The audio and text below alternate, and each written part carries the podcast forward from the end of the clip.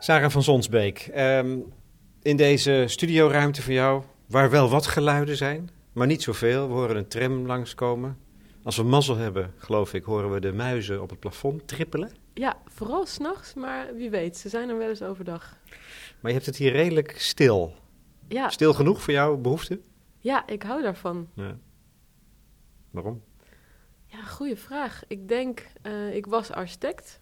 Ehm, en toen, eh, mijn grote droom was eigenlijk om kunstenaar te worden. Maar mijn ouders zeiden, leer nou maar eerst een goed beroep.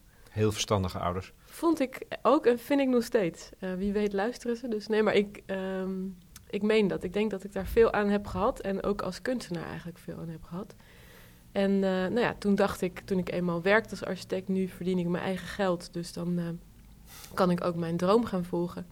Ben ik in de avonduren de Rietveld gaan doen. Eh, maar ja, ik zat toch een beetje vast tijdens mijn afstuderen. En had toen ook vreselijke bovenburen. En zo is eigenlijk mijn ja, kunstenaarschap begonnen.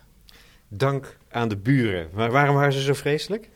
Nou, ik denk achteraf, ja, je vraagt je dan af, zijn het echte buren of ben ik het zelf? Maar eh, ik lag ervan wakker dat ik hoorde ze ruzieën, dan eh, echt gillen. Hè? Dus ik hoorde hem zeggen, jij met je rotkop. En zij gilde dan van alles wat ik niet kon verstaan met zo'n hoge, snerpende stem. Iedere nacht.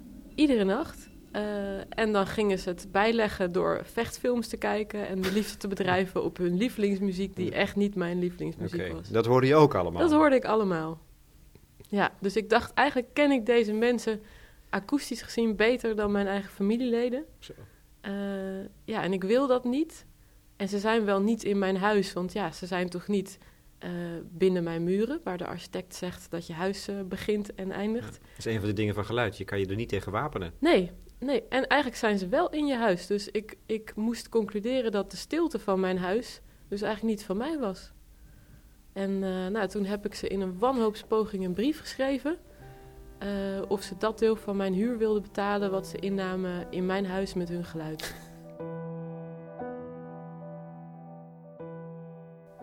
Amsterdam, 9 april 2010. Appartement op de eerste verdieping.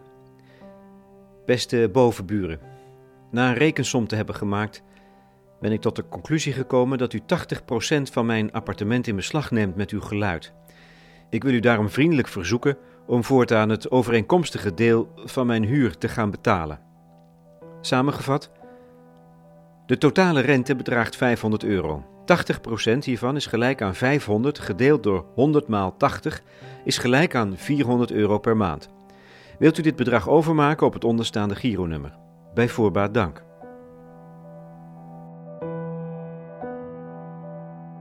Was het woede? Was het toen al een soort kunst?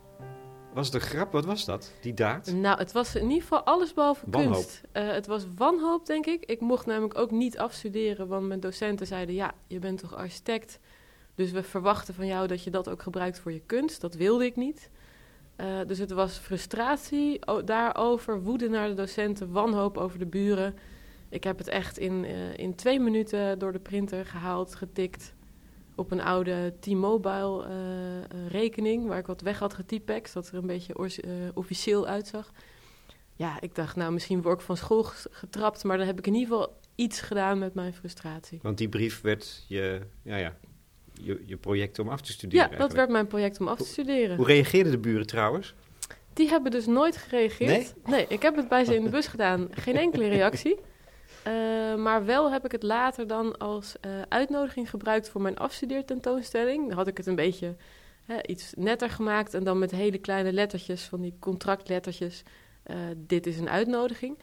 En daarop kreeg ik heel veel reacties van verontruste mensen die dachten dat het hun buren waren. Dus mijn tante zei, ja, Sarah, nee, nee, sorry, ik heb niet je uitnodiging voor je afstudeertentoonstelling, maar je gelooft nooit wat die vreselijke buurman me nu heeft gestuurd. En dat was nooit mijn bedoeling geweest. Eh, vrij naïef eigenlijk, maar goed. Eh, maar wel, zo ontdekte ik eigenlijk dus de potentie van die brief.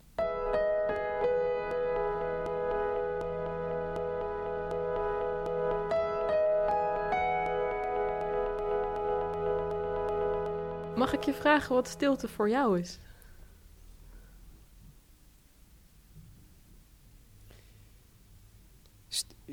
Nou, laat ik zeggen dat ik weet niet wat stilte is, maar ik ken wel heel goed de ervaring van stilte. Mhm. En dat is iets van een, een, een zo ongelooflijke kracht. Dat als je dat, als je stilte, vind ik, als je stilte samen beleeft met iemand anders, dan word je heel sterk naar elkaar toegetrokken. Of als het niet goed is, dan ervaar je de eenzaamheid des te sterker. Mhm. Was het voor jou? Nou, dat weet ik niet. Maar ik heb deze vraag ooit aan al mijn vrienden en Ja? eh, kennissen gesteld. En toen kwam ik erachter. Toen had ik zelf net in Turkije gewoond, vier Ja. maanden. Ehm, waar stilte... Nou, ik ging daarheen met het idee stilte is fijn. Hè, is een eh, ideaal, een westers ideaal. Is nou ja, de vakantie, de krekels, hè, Zuid-Frankrijk. Terwijl krekels helemaal niet stil zijn, gek genoeg. Eh, en daar zeiden veel van mijn Turkse eh, nieuwe vrienden: nee, nee, stilte is de journalisten in de cel en stilte is politieke stilte. Dus toen dacht ik: nou, weet je, ik vraag het gewoon.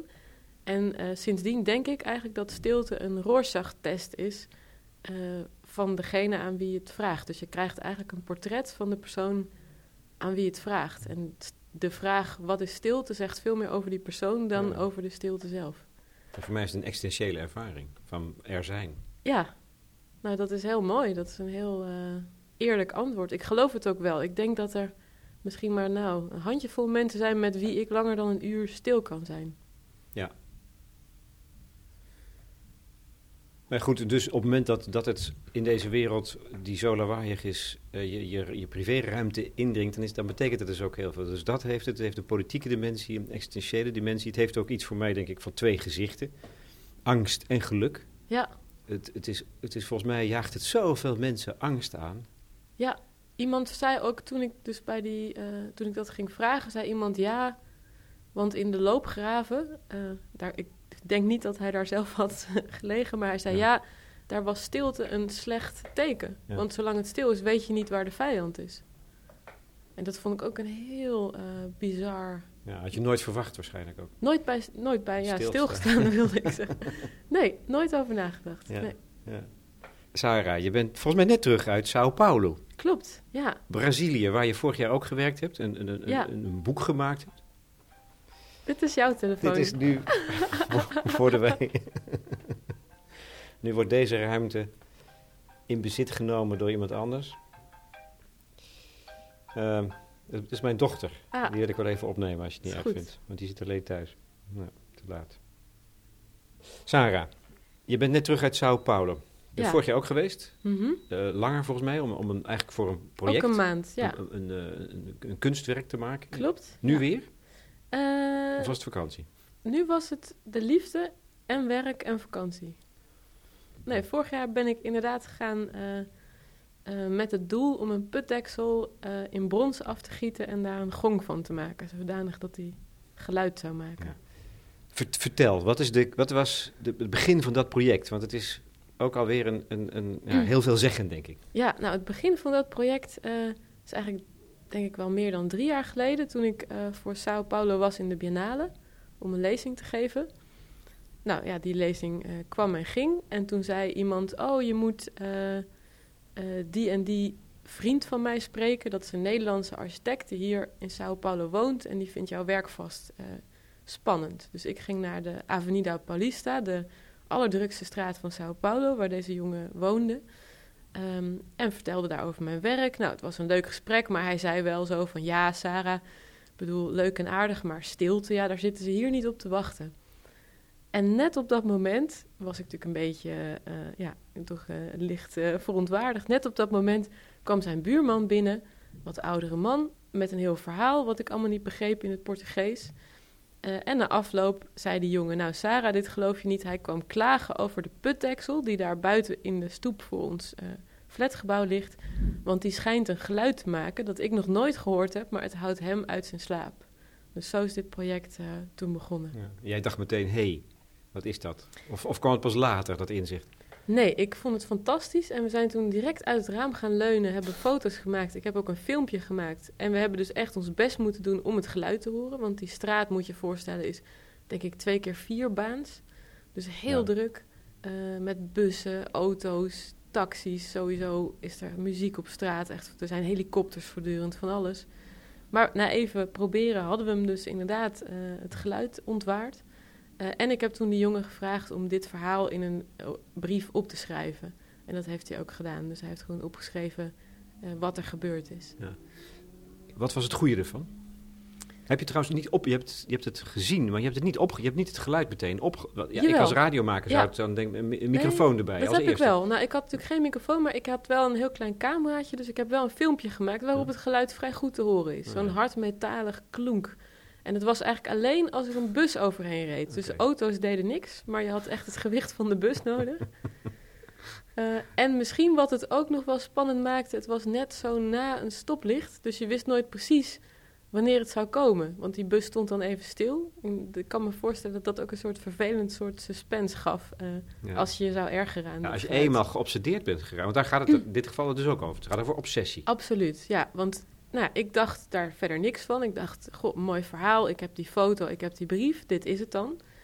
En toen kreeg ik uh, vorig jaar, begin vorig jaar, uh, de vraag van... hey Sarah, jij had daar toch zo'n mooi plan in Sao Paulo. En uh, we hebben nu een uitwisselings uitwisselingsproject en een, een, beetje geld. Maar dan moet je wel nu binnen een paar weken komen met een voorstel.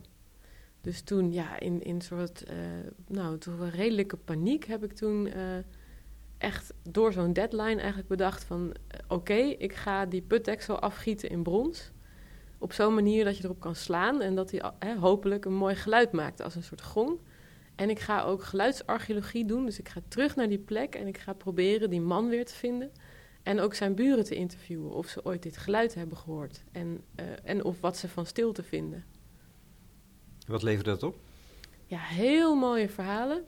Uh, ik heb die man natuurlijk niet gevonden. Nee? Nee, ik geloof dat hij verhuisd is, maar ik weet het niet zeker. Ja, eindelijk verhuisd. Eindelijk dat verhuisd. is wat je moet doen volgens mij. Ja. Om je te bevrijden Precies. van de overlast. Ja, maar de verhalen zijn, uh, ja. zijn echt prachtig. Wat vind jij dan mooie verhalen? Er was één vrouw, ik heb iedereen geanonimiseerd op hun verzoek. Dus je kunt wel ongeveer gokken waar het is, maar ja. je niet precies weten. Er was één vrouw die zei uh, nou, dat ze het nog nooit gehoord had, dat geluid. En uh, dat ze het eigenlijk wel blij was dat ze in Brazilië woonde. Het enige geluid waar ze zich aan stoorde was haar man. Maar daarvoor had ze dan een eigen kamer. En als ze... Ah, kijk, een boor. De buren gaan in boren. Die, die, is wel goed. Die is goed, hè? Uh, maar dus uh, dan had ze dan deze de deur dicht en dan was het quite comfortable voor haar. Dat ja. vond ik heel erg mooi. Ja. Nee, we praten hier gewoon doorheen. Ja, we gaan gewoon, gewoon alsof we, we niks horen. Door, Precies.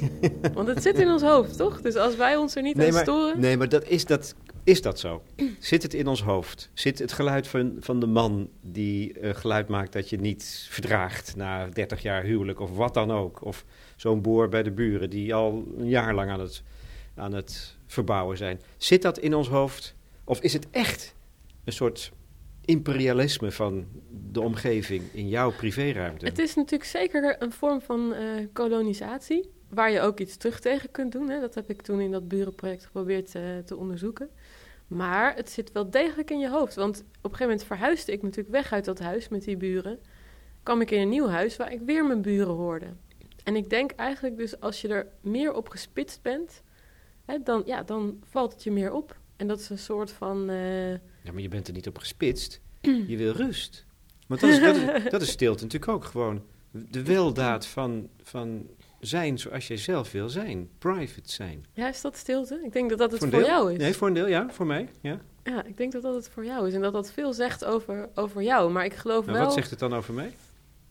Nou, dat jij stilte in ieder geval als iets heel positiefs ziet. En iets, een schaars goed. Hè? Iets ja. om naar te streven. Dus je zal misschien niet veel stilte...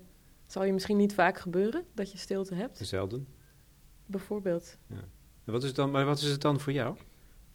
In nou, de eerste plaats? Ja, het is mijn muze, hè. Dus hoe, hoe, hoe meer ik het onderzoek, hoe meer het mij uh, ontvliet. Dus het is voor mij een heel raadselachtig onderwerp. Waarvan eigenlijk hoe beter je ernaar kijkt. Het is bijna alsof je naar een atoom kijkt en dan kijk je er dieper in. En dan bestaat het nog weer uit allemaal ja. dingen en nog weer. En... Maar je houdt ervan? Het is haat-liefde, maar ja, zeker hou ik er ook van, ja.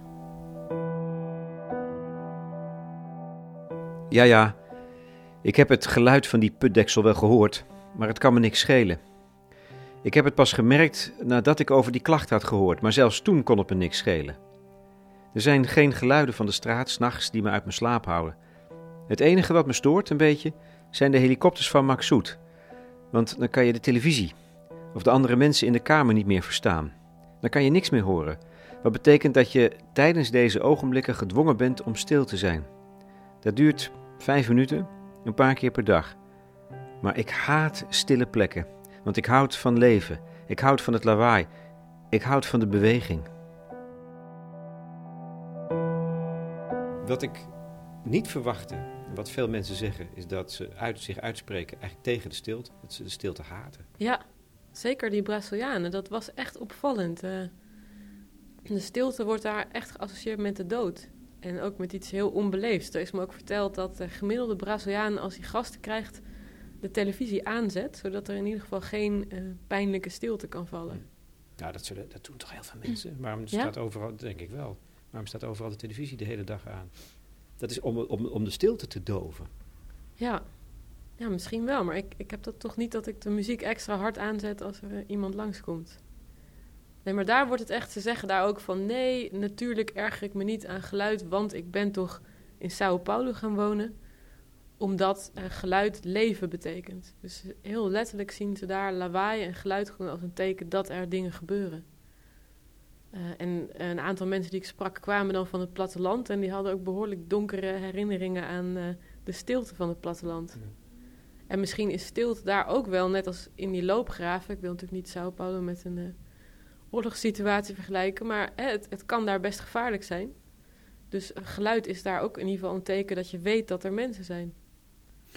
En dus is stilte, als je daar als kunstenaar mee bezighoudt, is iets wat, wat regelrecht naar de diversiteit voert, de verschillen tussen mensen. Ja. En misschien zelfs wel een waterscheiding, want ik denk dat, dat uh, je mensen dus op grond daarvan al kunt verdelen of ze de stilte, het verdragen om, om, om stil te zijn en in hun eentje te zijn. Er zijn mensen die daar panisch voor weglopen, en er zijn mensen die dat juist het opperste genot vinden. Ja, alhoewel ik wel denk dat dat ook weer een vrij westerse opvatting is van, uh, ja. Hè, van de stilte. dus de stilte als iets goeds, als een soort hoger, ja, een soort zen-ideaal, een soort um, de innerlijke stilte, hè, waar, waar ook veel mensen mij naar vragen. Alsof ik daar uh, doorgestudeerd zou hebben.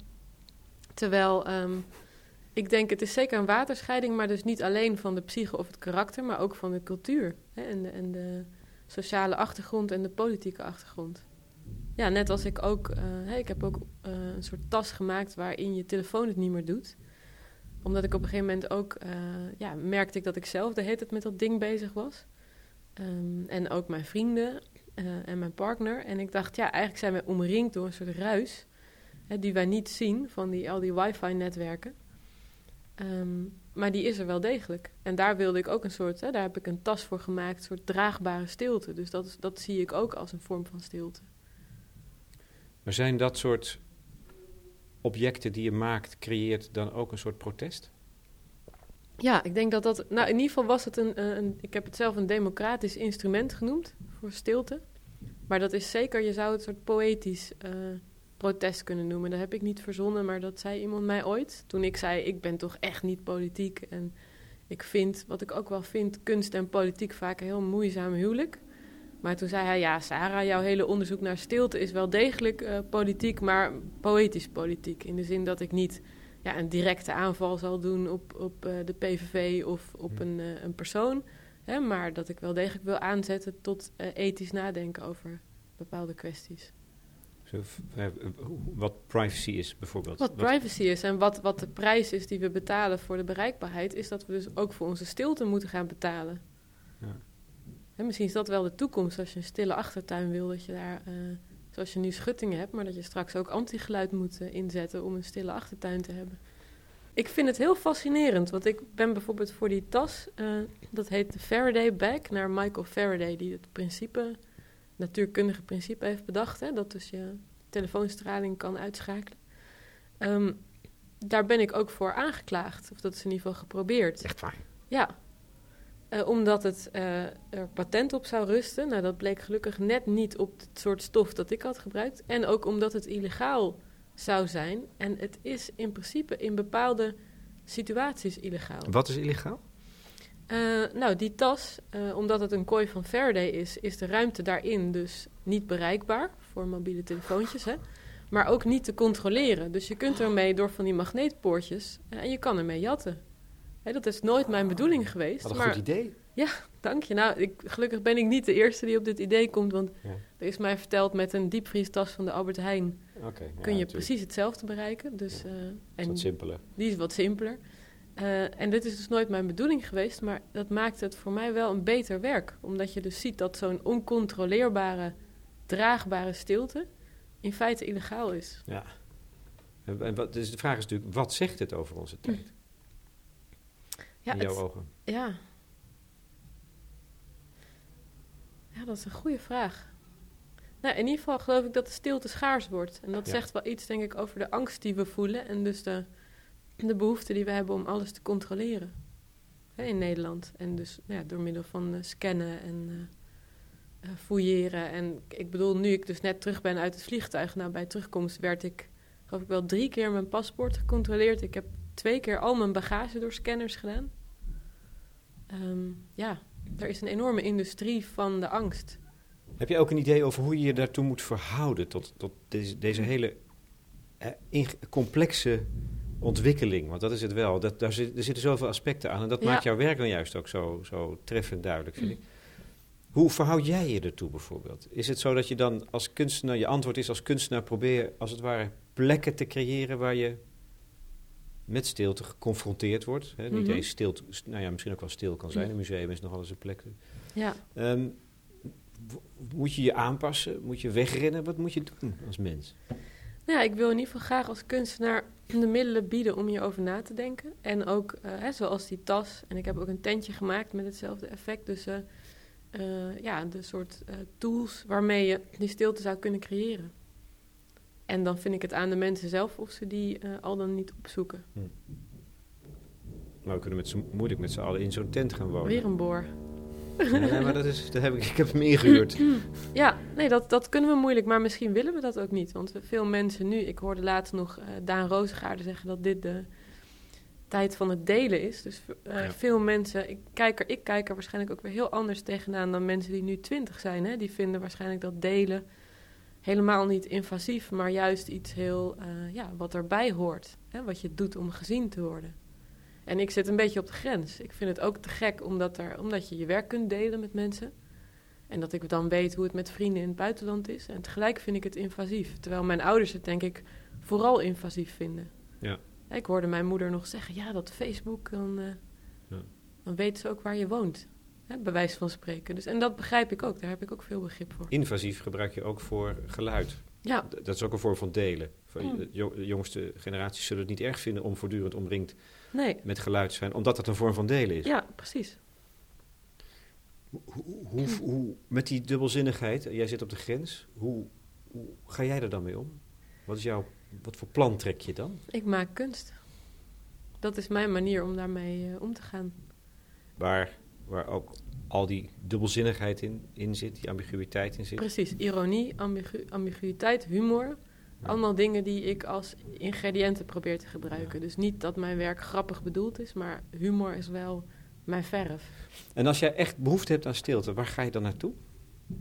Dan zet ik eh, een nummer op repeat. Heel veel mensen verklaren me voor gek, maar dan kies ik dus een, een liedje wat ik mooi vind en dat Ja? zet ik gewoon 60 keer aan. Echt waar? Echt waar. En dan op een gegeven moment hoor ik dat niet meer. En dan kom ik in een soort trance en dat is echt, dan hoor ik dus ook de buren niet. En dus dat is echt mijn ideale stilte. Hoezo doe je het? Zo doe ik het, ja. Jeetje. Dat zou ik nou nooit kunnen bedenken. Nee, Of, of doen. Dat lijkt me verschrikkelijk. Ja, het is op een gegeven moment ga je eraan ergeren na een keer of veertig. En dan weet ik ook dat, dan is ook mijn eh, nou, moment van stilte voorbij. Dan is het ook genoeg geweest. Wat een paradox. ja. Ja, maar dat is helemaal niet stil. Nee, dat is zeker het niet zo. tegendeel van stil. Nou, is dat zo? Het- Ja, het is dus in mijn hoofd dan heel stil. Want ik hoor niks en ik merk niks. En ik ben echt in een, in een ja, ergens anders. En, en heb, heb, heb je wel eens gemediteerd? Of Eh, geprobeerd te Ik heb het mediteren? wel eens geprobeerd. Ik was er verrassend slecht in. Want ik hoorde de hele tijd mijn eigen gedachten en de kleinste geluiden. Dat is wat, je, en hoort, wat er gebeurt in precies, stilte. personen ademhalen. Ik werd helemaal knettergek. Dus je kan helemaal niet tegen de stilte. Met moeite, denk ik. Ja. ja. Weer een verrassing. Ja. Stilte kunstenares kan niet tegen, tegen stilte. stilte. Verdraagt de stilte niet. Niet alleen de buren, maar ook de, stilte, niet. Nee. Dus waar blijf je dan? In je kunstwerken. Precies. Als ontsnappingsruimte. ja. ja.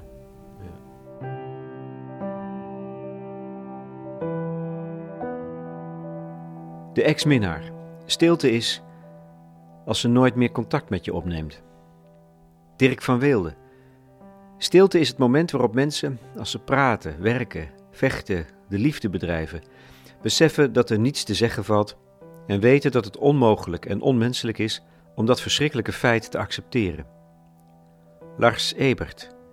Stilte is een memento mori, confronterend en vol hoop. Nicoletta Fiorucci. Stilte bestaat niet in de natuur. Het is een utopie die staat voor een poëtisch gevoel van oneindigheid. Max van Enge. Stilte is het zeldzame en ongewone moment waarop je alleen kunt horen dat je echt bestaat. We hebben het eigenlijk alleen over stilte als je materiaal, maar je werkt net zo goed met goud. Mhm. Dat is ook weer zo geconnoteerd, er zitten zoveel associaties aan. Speel jij ook met de associatie van de alchemisten? Die, hè, mhm. half priester, half wetenschapper, eeuwenlang was het idee dat ze uit lood goud probeerden te maken. Je zou hè, in analogie kunnen zeggen, jij mhm. probeert van stilte goud te maken. Ja.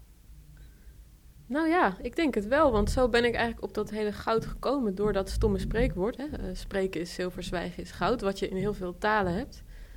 Ehm, ja, en ik dacht toen, wat een onzin. Dus het begon ermee dat ik dacht, ik verguld een stukje papier en dan schrijf ik daaronder: Silence is golden, but this is no silence. Stilte is goud, maar ja, dit is toch geen stilte. Ehm, toen zei iedereen om me heen: Doe dat niet. Goud is zo plat. Je werk is normaal zo gelaagd. Dit is echt kitsch. Dat kan je gewoon niet doen. En toen ben ik het pas een half jaar later, toen ik ergens helemaal alleen zat in de stilte van München Gladbach, helemaal gek werd van die stilte, ben ik het toch gaan maken. En werd ik eigenlijk gegrepen door de schoonheid van dat materiaal.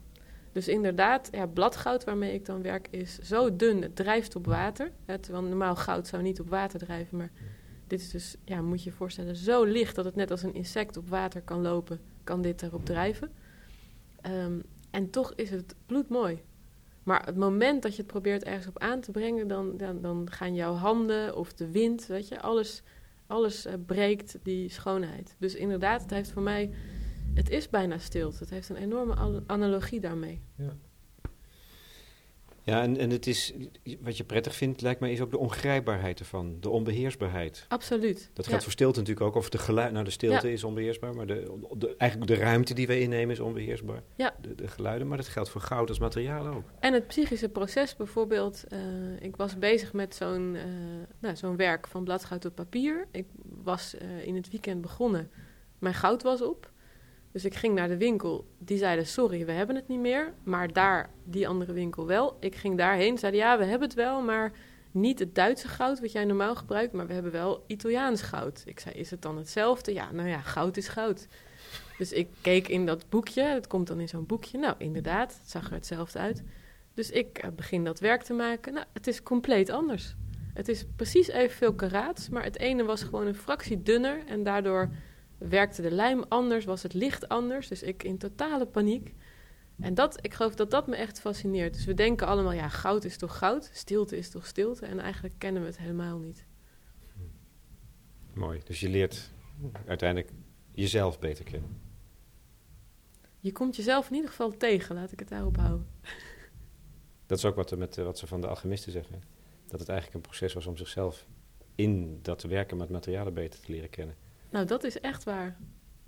Ik weet ook dat ik hier aan het werken was aan zo'n werk en iemand kwam binnen en zei: Jee, wat zie jij er goed uit? Je bent vast net uh, op vakantie geweest of onder de zonnebank. Nou, dat doe ik nooit, dat laatste. En dat was gewoon de weerschijn van dat goud. Dus het heeft echt letterlijk een soort. Uh, het heeft letterlijk een invloed op je.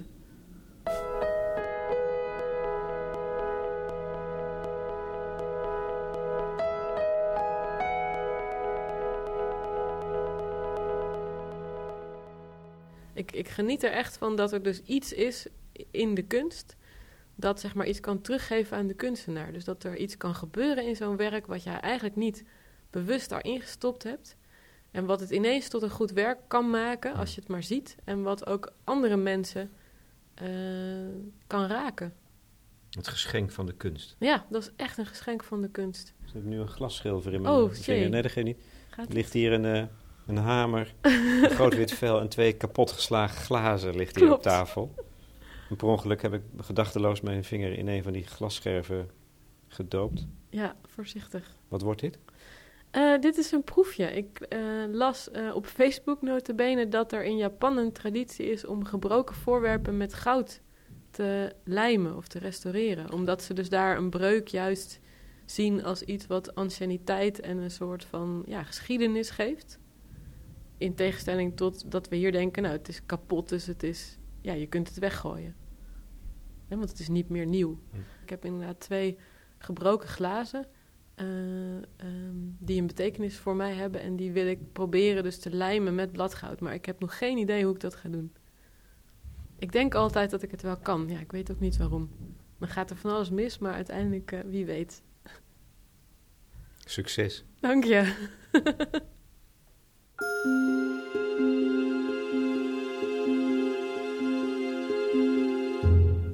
Lex Bolmeijer in gesprek met Sarah van Sonsbeek voor De Correspondent.